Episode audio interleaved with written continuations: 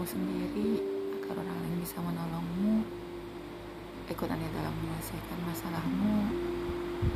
Bukanlah hal yang mudah kan? Perkara minta tolong saja jangankan ke orang lain ke orang terdekat sekalipun. Seringkali kita ragu malu bahkan takut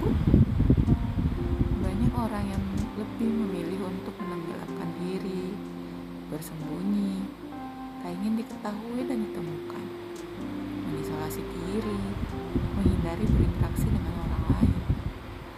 Tapi jika ada masalah yang kamu sadari tidak dapat kamu selesaikan sendiri buat apa kamu pendam? Apa karena kamu merasa tidak akan ada yang bisa memahami dan mengerti?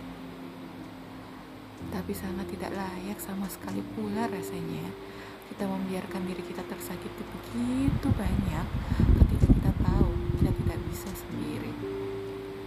Membiarkan diri kita terluka parah baru mencari pertolongan. Well trust me it's okay. Perfectly okay to seek for help. Izinkanlah dirimu untuk ditemukan. Izinkanlah dirimu untuk ditolong oleh orang lain.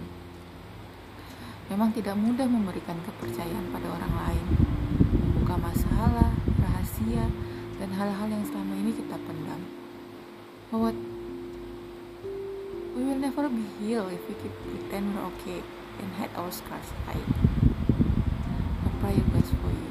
Semoga apa pun yang dialami saat ini kita selalu diberi kekuatan dan support system yang baik untuk menghadapinya. If you don't have one remember me. You have me. I will catch your breath. You just need to call my name He's the super big perhaps? E.